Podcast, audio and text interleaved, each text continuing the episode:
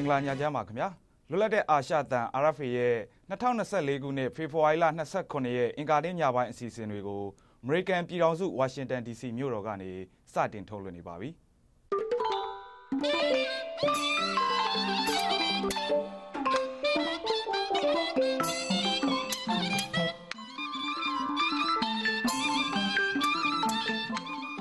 ကျွန်တော်နေမျိုးထုံးပါခင်ဗျာဒီကနေ့ညအစီအစဉ်မှာနောက်ဆုံးရသတင်းတွေနဲ့အတူ ရခိုင်တပ်တော် AA ကဖမ်းမိထားတဲ့စစ်ကောင်စီတပ်ရဲ့စစ်တုံးပန်းတွေကိုအရေးယူဖို့စစ်ဆေးနေတဲ့အကြောင်းသတင်းဆောင်ပါနဲ့ရခိုင်ပြည်နယ်မှာစစ်ဘေးဒုက္ခတွေတိုးလာတဲ့အကြောင်းဆောင်ပါတွေကိုထုတ်လွှင့်ဖို့ပြင်ဆင်ထားပါတယ်။အခုအရင်ဆုံးသတင်းတွေကိုတင်ပြပါမယ်ခင်ဗျာ။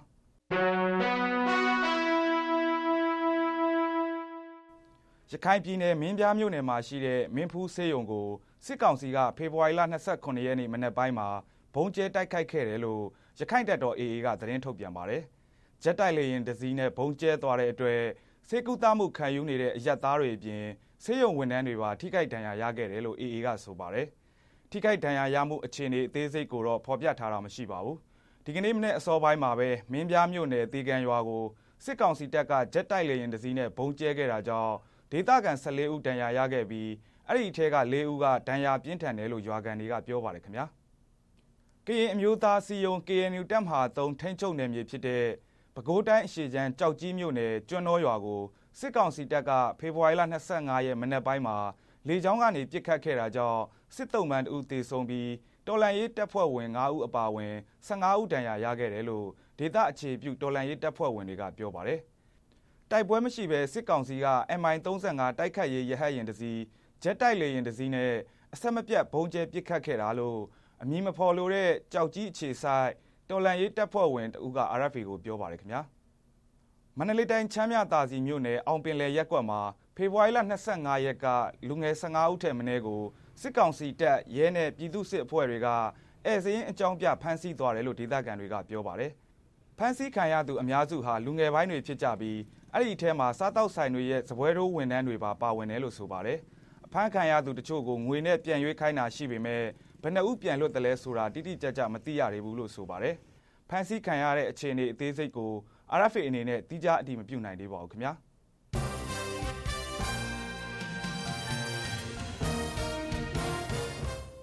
သတင်းတွေကိုတင်ပြခဲ့တာပါ။အခုဆက်လက်ပြီးသတင်းဆောင်ပါတွေကိုထုတ်လွှင့်ပါမယ်။ရခိုင်ပြည်နယ်မှာစစ်ကောင်စီတပ်နဲ့ရခိုင်တပ်တော် AA တို့၃လကြာတိုက်ပွဲအတွင်းဖမ်းမိတဲ့စစ်ကောင်စီတပ်သားတွေနဲ့တပ်မိသားစုဝင်တွေကို အေအေအဖွဲ့အုပ်ချုပ်ထားတဲ့ရွာတွေနဲ့အချုပ်တွေမှာကောင်းကောင်းမွန်မွန်ထိမ့်သိမ်းထားသလိုတချို့ကိုစစ်ရာဇမှုတွေနဲ့ပတ်သက်မှုရှိမရှိစစ်ဆေးနေတယ်လို့သိရပါတယ်။ဒီအကြောင်း RFA ဝိုင်းတော်သူမဝေမာထွန်းတင်ပြပါမယ်ခင်ဗျာ။ရခိုင်ပြည်နယ်မှာဖမ်းမိထားတဲ့စစ်ကောင်စီတပ်ကအရာရှိအရာခံတွေနဲ့တပ်သားတွေကို စစ်ရာဇဝတ်မှုတွေမှာပါဝင်ပတ်သက်ခဲ့တာရှိမရှိစစ်ဆေးနေပြီးတော့အမိန်ပေးတဲ့သူ အကောင့်ထဲပေါ်ခဲ့တဲ့သူတွေကို သူတို့ဥပဒေအရအရေးယူသွားမယ်လို့ရခိုင်တပ်တော် AA က RFA ကိုပြောပါတယ်ရခိုင်နဲ့ပလက်ဝဒေသစစ်ပွဲတွေအတွင်းမှာဟိုဖန်စီရမိထားတဲ့စစ်သုံးပန်းကတော့ဒီထောင်ရှိပြီးတော့ရှိတယ်ဗျဟိုဒီဖန်စီရမိထားတဲ့စစ်သုံးပန်းတွေကိုကျွန်တော်တို့ဒီရခိုင်တပ်တော်ရဲ့ဒီစစ်သုံးပန်းဆိုင်ရာဥပဒေ ဒီနောက်ဒီနိုင်ငံတကာစစ်သုံးပန်းဥပဒေတွေနဲ့အညီဟိုစနစ်တကျထိန်းသိမ်းပြီးတော့မှကျွန်တော်တို့စောင့်ရှောက်ထားတာဖြစ်ပါတယ်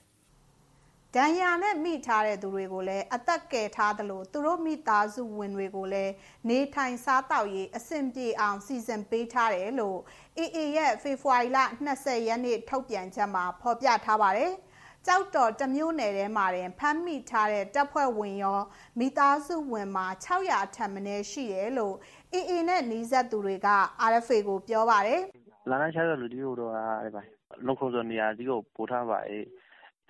လက်နက်ချတဲ့သူတွေကို လုံခြုံတဲ့နေရာတွေကို ပို့ထားပါတယ် သူတို့ကို ဒီတိုင်း အေးစေးထားတာပါ ဘာမှမလုပ်ပါဘူး စစ်ဆေးမင်းမြန်းတာတော့ ရှိပါတယ်နေမကောင်းစဒီဆိုလေးပါထားပါစစ်တုံးပန်းတွေရဲ့ မိသားစုတွေ နေစဉ်စားတောက်ရေးအတွက် ရွာသားတွေက ချက်ပြုတ်ကျွေးမွေးနေရတယ်လို့ ပြောပါတယ်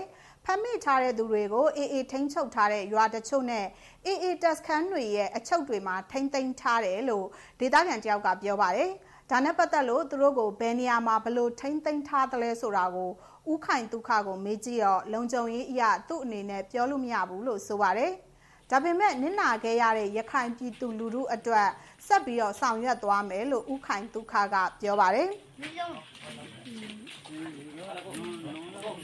စက်ကောင်စီတပ်ဖွဲ့ဝင်တွေရဲ့ထွက်ဆိုချက်တွေတပ်သေးတွေလည်းတော်တော်များများရထားပြီလို့ပြောပါတယ်စစ်ရဆွေးမှုကျူးလွန်သူတွေကိုဘလို့အရေးယူနေတယ်လဲဆိုတာနဲ့ပတ်သက်လို့ RFA ကစုံစမ်းကြည့်ရဲ့အခါတဦးချင်းပဲဖြစ်ဖြစ်အစုလိုက်အပြုံလိုက်ပဲဖြစ်ဖြစ်လူတက်မှုမှာပါဝင်တဲ့သူဆိုရင်တေးတဲ့အမိတ်ချမှတ်ခံရမှာဖြစ်ပြီးတော့တာမန်အမှုတွေကိုတော့အရက်ဖက်ဥပဒေအတိုင်းထောင်ဒဏ်တွေချမှတ်တာတွေရှိတယ်လို့ AA နဲ့နှီးဆက်သူတွေကပြောပါတယ်။ ရခိုင်တပ်တော် AA ဟာ2020ပြည့်နှစ်ကလေးကသူတို့ထိန်းချုပ်ထားတဲ့ဒေသတွေမှာတရားစီရင်ကဏ္ဍကို အခိုင်အမာတိစောက်ထားပြီးတော့အကျဉ်းထောင်တွေလည်းစနစ်တကျရှိတယ်လို့အမိမဖော်လို့တဲ့လွှတ်တော်ကိုယ်စားလှယ်ဟောင်းက RFA ကိုပြောပါတယ်တရားရေးကလည်းပဲကျွန်တော်တို့ဒီအရက်ဖက်ကပညာရှင်တွေနဲ့လှုပ်ထားတာပေါ့ဗျာ။အရက်ဖက်မှာကျွန်တော်တို့ဒီဥပဒေနဲ့ကျွမ်းကျင်တဲ့လူတွေကိုဖိတ်ခေါ်ပြီးတော့မှ တိကျန်းကိုဒီတက်ဖက်နဲ့ မဆိုင်ဘဲနဲ့တိကျန်းကိုဒီလွတ်လပ်တဲ့ တရားစီရင်ရေးတစ်ခုကိုဖြစ်အောင် ဥပဒေပြဋ္ဌာန်းချက်တွေနဲ့အညီ ဆောင်ရွက်လို့ရအောင် လုပ်ထားတာကိုတော့ ကျွန်တော်တို့ တွေ့တယ်ပေါ့ ရခိုင်စီရေးခြေအနေနဲ့ပတ်သက်လို့စစ်ကောင်စီဘက်ကတစုံတရာထုတ်ပြန်တာမရှိသလိုရခိုင်ပြည်နယ်စစ်ကောင်စီပြောခွင့်ရပြည်နယ်ဥပဒေချုပ်ဦးလာသိန်းကို RFA ကတယ်လီဖုန်းနဲ့ဆက်သွယ်ခဲ့ပေမဲ့ဖုန်းမကင်ပါဘူးရခိုင်တပ်တော် AA ကတော့သူတို့ထိန်းချုပ်ထားတဲ့ဒေသတွေဟာပြည်သူတွေအတွက်အလုံးကြုံဆုံးဖြစ်လို့စစ်ကောင်စီထိန်းချုပ်ထားတဲ့ရန်ကုန်အပါအဝင်တခြားမြို့တွေကိုသွားပြီးတော့စစ်ဘေးတင်းရှောင်မဲ့အစားအေးအေးထိန်းချုပ်တဲ့ဒေသတွေကိုပြောင်းရွှေ့နေထိုင်ကြဖို့ တိုက်တွန်းထားပါတယ်ရှင်။ RFA ရဲ့အစီအစဉ်တွေကိုကြည့်ရှုနေရတာပါ။ရခိုင်ပြည်နယ်မှာတကြော့ပြန်တိုက်ပွဲတွေကြောင့်စစ်ဘေးဒုက္ခသည်2,900နီးပါးတိုးလာနေပြီးအရင်ကစစ်ဘေးဒုက္ခသည်အရေးအတွက်နဲ့ဆိုရင်စစ်ဘေးဒုက္ခသည်3သိန်းကျော်အထိရှိလာနေတယ်လို့ရခိုင်အမျိုးသားအဖွဲ့ချုပ် ULAA ကပြောလိုက်ပါတယ်။အချိန်3လကျော်ကြာတိုက်ပွဲအတွင်းအရတားတေဆုံးသူ100ကျော်ထိခိုက်ဒဏ်ရာရသူ360နီးပါးနဲ့ဖမ်းဆီးခံထားရသူ300နီးပါးရှိတယ်လို့ဆိုပါတယ်။ ဒီအကြောင်း RFA သတင်းတောက်မတ်သစင်လိုင်းတင်ပြထားပါတယ်ခင်ဗျာ။ရခိုင်ပြည်နယ်နဲ့ချင်းပြည်နယ်ပလောဝမြို့နယ်မှာတိုက်ပွဲတွေကြောင့်အိုးအိမ်စွန့်ခွာထွက်ပြေးနေရတဲ့စစ်ဘေးဒုက္ခသည်2,900နီးပါးထပ်တိုးလာတယ်လို့ရခိုင်မျိုးသားအဖွဲ့ချုပ် ULAA ရဲ့လူသားချင်းစာနာထောက်ထားရေးနဲ့ဖွံ့ဖြိုးရေးဆိုင်ရာပူးပေါင်းဆောင်ရွက်ရေးယုံ HDCO ကမနေ့ကတရားဝင်ထုတ်ပြန်တဲ့အစီရင်ခံစာမှာဖော်ပြထားပါတယ်။ အဲ့ဒီစီးရင်ဟာဆိုရင်တကြောပြန်တိုက်ပွဲစတင်တဲ့2023ခုနှစ်နိုဝင်ဘာ23ရက်နေ့ကနေဖေဖော်ဝါရီလ23ရက်နေ့ထိစီးရင်ဖြစ်ပြီးတော့အရင်ကရှိနေတဲ့စစ်ဘေးဒုက္ခတွေ6000ကျော်နဲ့ပေါင်းရင်စုစုပေါင်းဒုက္ခတွေ3,3000ကျော်အထိရှိနေတယ်လို့ဆိုပါတယ်။ အဲ့ဒီစစ်ဘေးဒုက္ခသည်တွေဟာစစ်တွေမြောက်ဦးကြောက်တော်မင်းများပေါက်တော်စားတဲ့မြို့နယ်14မြို့နယ်ကဖြစ်ပြီးတော့အဲ့ဒီထဲမှာပေါက်တော်မြို့နယ်ဟာလူပေါင်းတသိန်းကျော်နဲ့ထွက်ပြေးတိမ်းရှောင်နေရတဲ့သူအများဆုံးမြို့နယ်ဖြစ်နေတယ်လို့လည်းထုတ်ပြန်ကြမှာဖော်ပြထားပါတယ်ဒေသခံတွေဟာစစ်ကောင်စီတပ်ရဲ့လက်နက်ကြီးနဲ့လေကြောင်းကနေပစ်ခတ်မှုတွေကြောင့်ထွက်ပြေးကြရတာလို့မြေပုံမြို့နယ်မှာဒုက္ခသည်တွေကိုအကူအညီပေးနေတဲ့ဒေသခံတအူးက RFA ကိုပြောပါတယ်။ လက်နက်ကြီးတွေ ရွာတွေကို ကျတယ်ဟိုဟာပေါ့အိမ်တွေကို မီးလောင်တယ် အဲ့ဒါကြောင့်အဲ့ဒီကိုရွာတွေမှာ ကိုဒေသတွေမှာ မနေရင်းနဲ့ပုံလုံကြတာပဲဖြစ်တယ် သူတို့တွေကဒီပေါက်တိုးမျိုးနေမင်းပြမျိုးနေမြောက်ဦးမျိုးနေပေါ့ ကျွန်တော်ဒီမေပုံမျိုးတွေကရွာပေါင်းစုံကပါပဲ သူတို့တွေကတော့ သူတို့နဲ့တိုဆက်တဲ့ ဆွေမျိုးတိုဆက်တဲ့ မိသားစုဝင်တွေနဲ့ပဲ လာပြီးတော့ နေနေကြတာပါ လက်ရှိမှာတော့ဒုက္ခသည်တွေဟာတိုက်ပွဲနဲ့ဝေးတဲ့ကြေးရွာတွေနဲ့ဘုံကြီးကျောင်းတွေမှာခိုလုံနေကြပြီးတော့အကူအညီတွေလည်းလုံလုံလောက်လောက်မရတာကြောင့်ဖြစ်တယ်လို့စားတောက်နေကြရတယ်လို့လည်းဆိုပါတယ်။မြို့ပေါ်တွေကနေကြေးလက်ဒေတာကိုထွက်ပြေးကြရသူအများစုကတော့အချိန်ကြာလာတာနဲ့အမျှရိတ်ခါပြတ်လာမဲ့အခြေအနေရှိနေတယ်လို့လည်းရခိုင်မြောက်ပိုင်းမှာနေထိုင်နေတဲ့ဒေသခံတအူးက RFA ကိုပြောပါတယ်။ရခိုင်ပြည်နယ်လုံးမှာတော့မြို့ပေါ်လူတွေကတော့ပုံများတာပေါ့နော်။အရင်တုန်းကဆိုလို့ရှိရင်တော့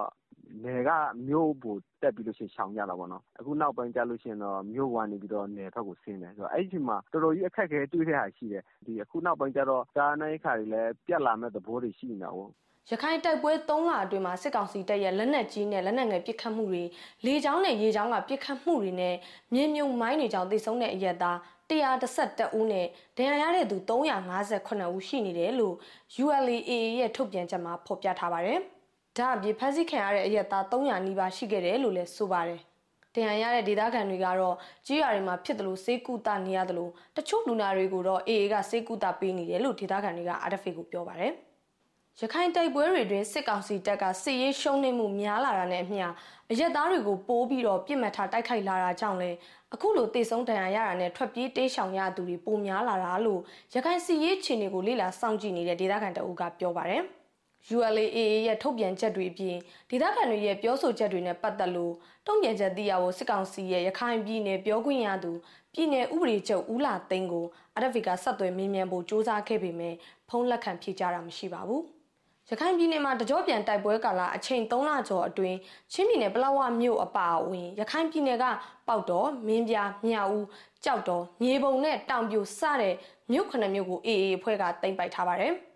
ဆက်လက်ပြီးတော့လဲရမ်းပြဲဘူးတိတောင်မောင်းတော်ရတိတောင်နဲ့ပုံနှကျုံမြို့နယ်တွေကစစ်ကောင်စီတပ်ရင်းတွေကိုလည်း AA ဖွဲ့ကထိုးစစ်ဆင်တိုက်ခိုက်နေသလိုစစ်ကောင်စီတပ်ကလည်းစခန်းတွေမကြဖို့ကြီးရီလီပူးပေါင်းပြီးတော့ခုခံကာကွယ်နေတာကြောင့်နှစ်ဖက်တိုက်ပွဲတွေပြင်းထန်နေစေဖြစ်ပါတယ်ရှင်။ RFA ကဆက်လက်ထုတ်လွှင့်နေပါတယ်။ငှက်တိုက်တွေဖန်တီးပေးတဲ့ဇီဝဆိုးငှက်တွေကိုအရင်ကတနင်္လာရီတိုင်းဘက်မှာမွေးမြူနေပြီးအခုတော့ရန်ကုန်မြို့မှာပါစီးပွားဖြစ်မွေးမြူထုတ်လုပ်နေကြပါပြီ။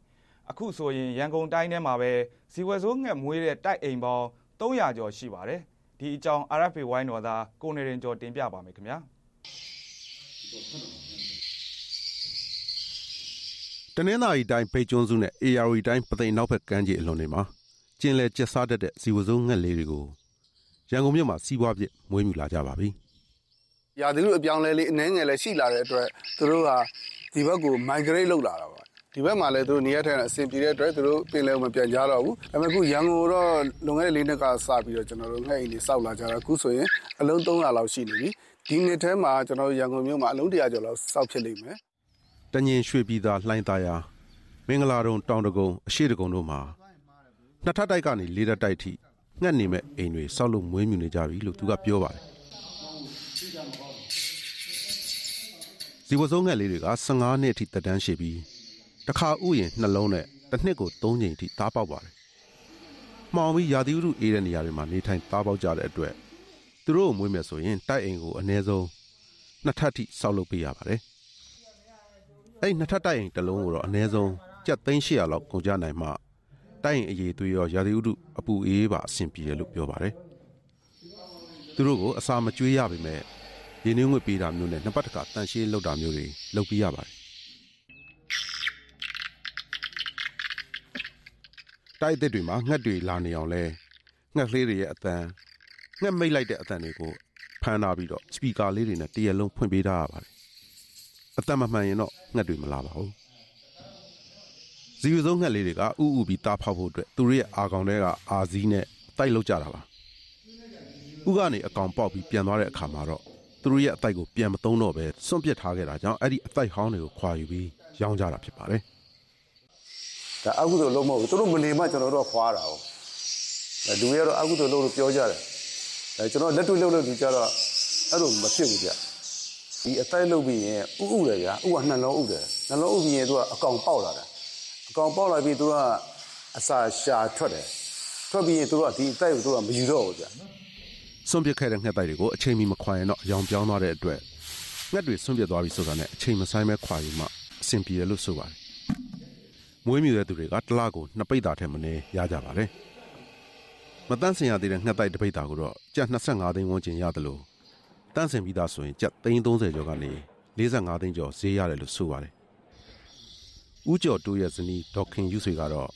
ဒီလောက်ကငှက်နဲ့လူသားတွေအတွက်နှစ်ဖက်စလုံးအကျိုးရှိတယ်လို့ယုံကြည်ပါတယ်။ဇီဝဆုံးငှက်တွေရဲ့မစင်တအိတ်ကကျပ်3000ဈေးရှိပြီးအဲ့ဒီမစင်တွေကိုငှက်စမွေးမဲ့တိုက်အစ်စ်တွေမှာ အနံ့အဖြစ်သုံးတာနဲ့မြေဩဇာအဖြစ်သုံးတာလို့ဆိုပါတယ်ဒီငှက်တိုက်တွေကိုတရုတ်နိုင်ငံကအဓိကဝယ်နေပါတယ်